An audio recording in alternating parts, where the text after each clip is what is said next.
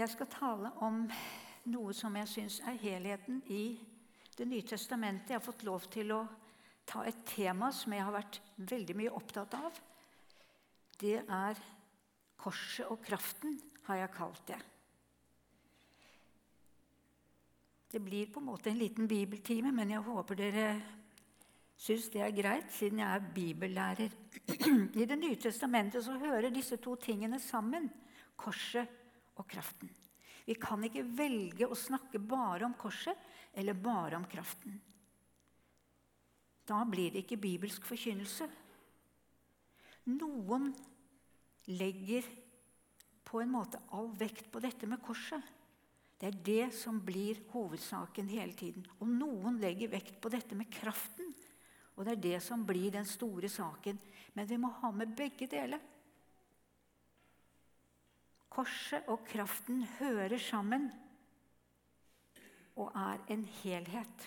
Og det er det jeg skal snakke til dere om i dag. Jeg har tenkt å ta utgangspunkt hos Paulus fordi man kan neppe tenke seg noen som på en så klargjørende måte snakker om sammenhengen mellom korset og kraften som Paulus. Ingen har som han lagt ut for oss om korsets teologi, og ingen taler vel mer av de nytestamentlige forfattere om livet i ånden. Paulus brenner for korset alene, troen alene, nåden alene, og samtidig er han en åndelig utrustet person av de helt sjeldne. Og dette ønsker han at alle skal få del i når han forkynner. I hans forkynnelse så forenes kors og kraft til en enhet og helhet. For ham er nemlig ære og herlighet og kraft og oppstandelse på det nøyeste knyttet sammen med svakhet og lidelse og død. Hva er det jeg mener med det? Jo, han sier kristenlivet starter med en korsfestelse, død og begravelse, sier han, for veien til livet går gjennom korset. Vi ble begravet med ham da vi ble døpt med denne dåpen til døden. Og som Kristus ble reist opp fra de døde ved sin fars herlighet, skal også vi vandre i et nytt liv. Har vi vokst sammen med Kristus i en død som er lik hans, skal vi også være ett med ham i en oppstandelse som er lik hans, skriver han. Det nye livet kan nemlig ikke komme i gang uten gjennom en korsfestelse. Det er en livslov i Guds rike. Og Poenget for Paulus er at det som gjelder for Kristus, det gjelder for oss. Ikke bare på den måten at det Jesus Kristus gjør, tilregnes oss, men slik at Jesu død oppstandelse blir et mønster for det kristne livet. Mønsteret heter 'gjennom korset til kraften'. Det er synden som er det store problem. Derfor finnes ingen vei til Guds kraft uten gjennom korsfestelsen av det gamle mennesket. Vi leser i Romerne 6, 6-7. Vi ble altså begravet med ham da vi ble døpt med denne dåp til døden, for at vi skal leve det nye livet. Liksom Kristus ble reist opp fra de døde ved Faderens veldige kraft, har vi vokst sammen med Kristus i en død som er lik hans, skal vi også være ett med ham i en oppstandelse som er lik ham.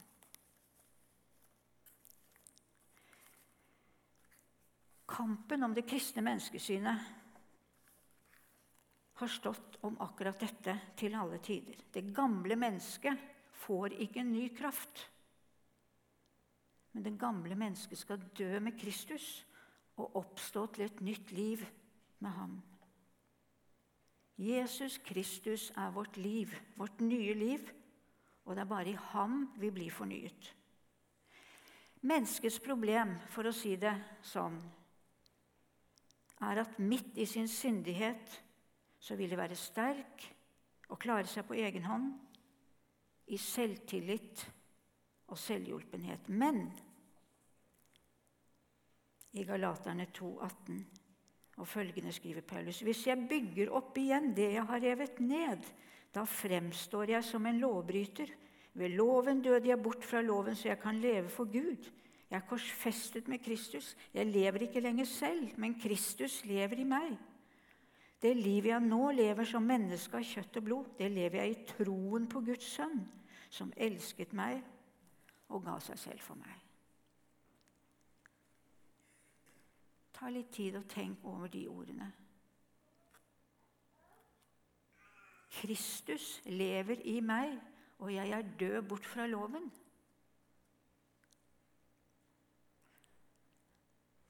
Dette er hovedpoenget til Paulus når han skriver til galaterne. For de trakk stadig frem, dessverre, det Gud krever i sin lov som kjennetegn på sann kristendom. Vi skal bygge opp et kristent liv ved å gjøre det Gud krever. Ja, Kan det være noe galt i det, da? Et kristenliv er ikke å bygge noe som helst, men å leve livet i ånden, skriver Paulus. Du kan ikke bygge opp noe selv. Lev et liv i ånden, da følger dere ikke begjæret i menneskets kjøtt og blod. Det finnes ingen annen måte å overvinne ondskapen og synden på enn det Kristus virker i meg.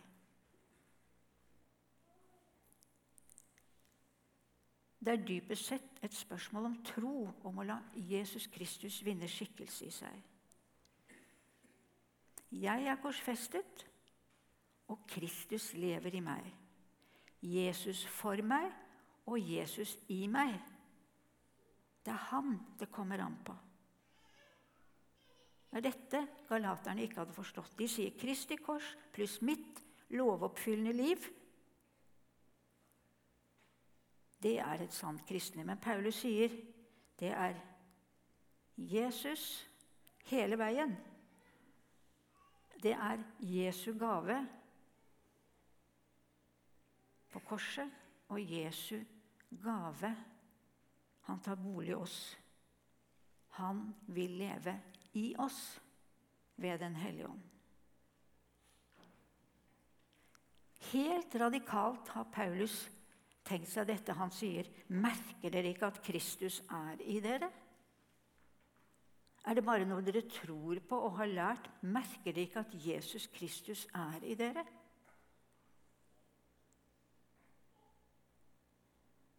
Man kan spørre seg av og til hvorfor mange gode forkynnere har lagt så mye vekt på det objektive frelsesverket, og så lite har turt å forkynne dette med Kristus i oss og Åndens kraft. Kanskje er det fordi man ikke har klart på en måte å forkynne Kristus for oss og Kristus i oss som en gave, som noe som er evangelium alt sammen.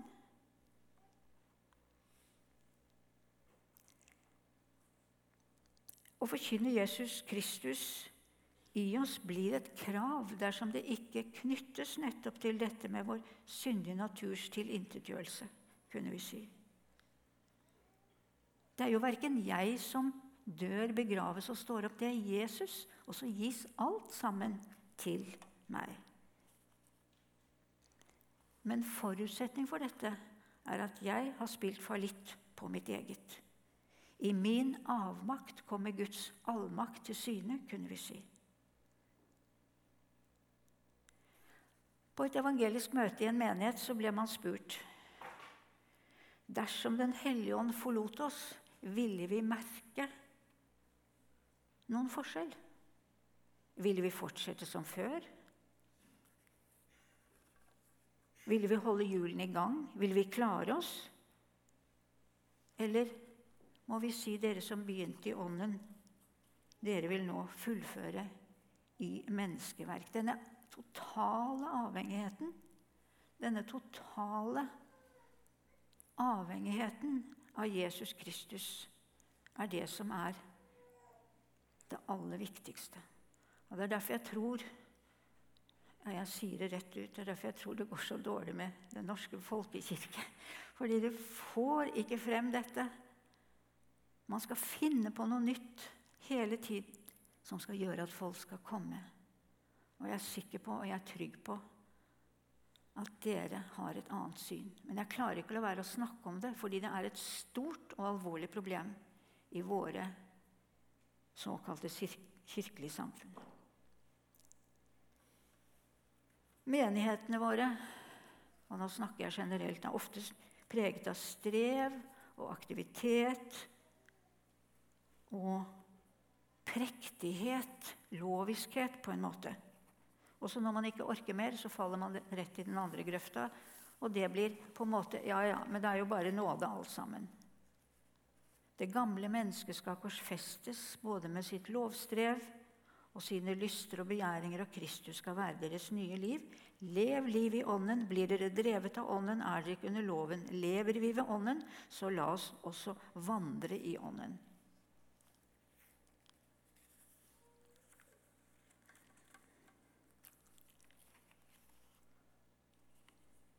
Ordet om korset er ordet at vi blir til ingenting, og Jesus Kristus har gjort og gjør alt for oss. Det er ordet om at Gud gir oss alt i vår blindhet og åndelig uforstand. Og mine manglende evner kaller på Guds rike og hans hjelp i alt.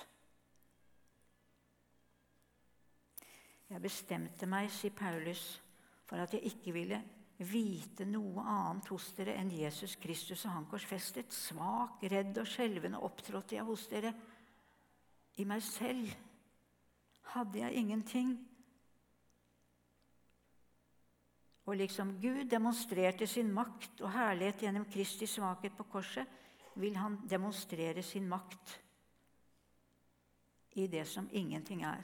Det står så vidunderlig skrevet i 1. Korinterbrev 1, 27-30. Hør bare.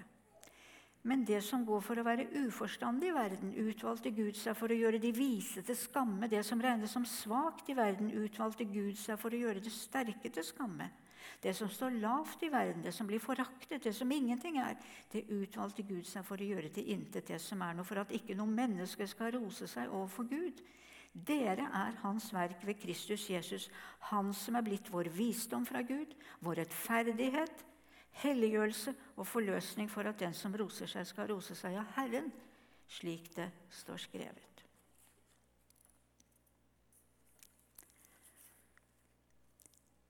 Ja, derfor så må vi si som Paulus Vi forkynner ikke oss selv, men Jesus Kristus som Herre.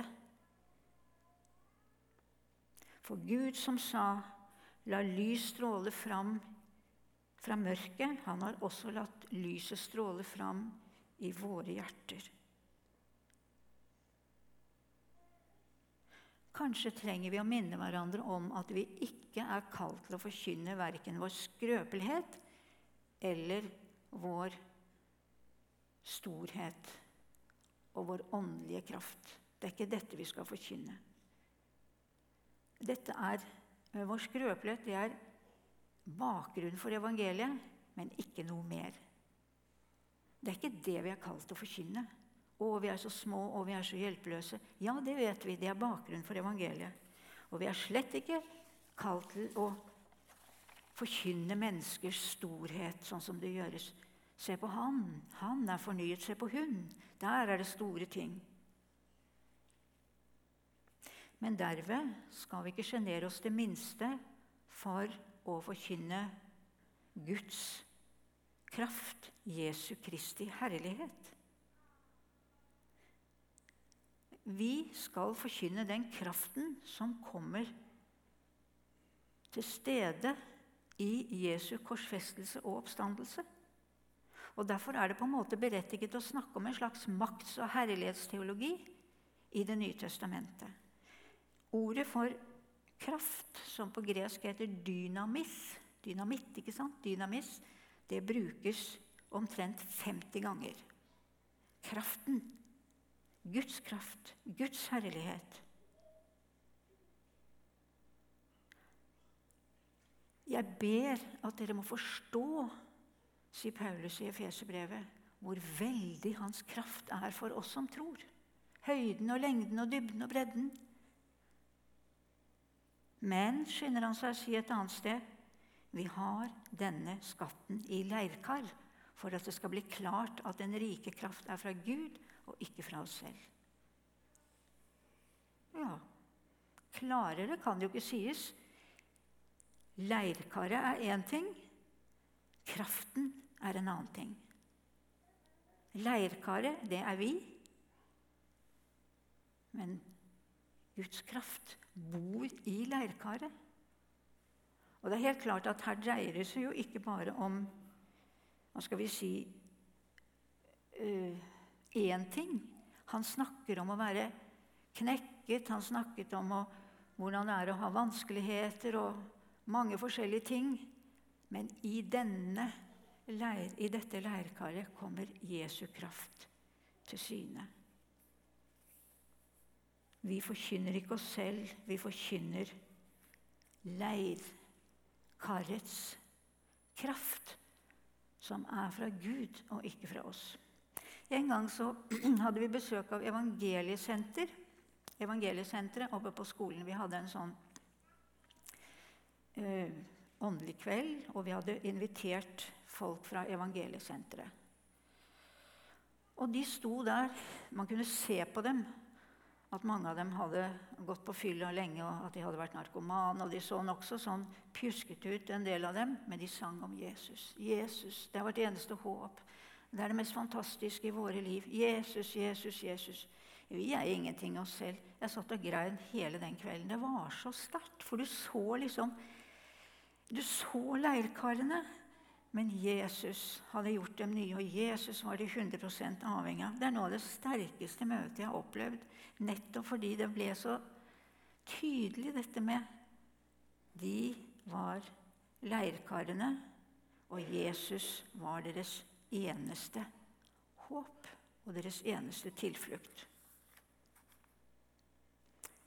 Å skille mellom seg selv og Jesus Kristus, mellom leirkaret og skatten, er derfor helt, helt fundamentalt.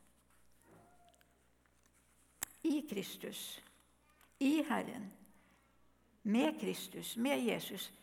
Gå gjennom Det nye testamentet og se hvor mange ganger han bruker disse ordene, Paulus. Det er hans herredømme og hans herlighet vi er kalt å forkynne. Det er denne skatten vi har, og den, den er ikke meg. Uansett hvor flink jeg måtte være til å legge ut Paulus, så er det ikke Jeg har ingenting.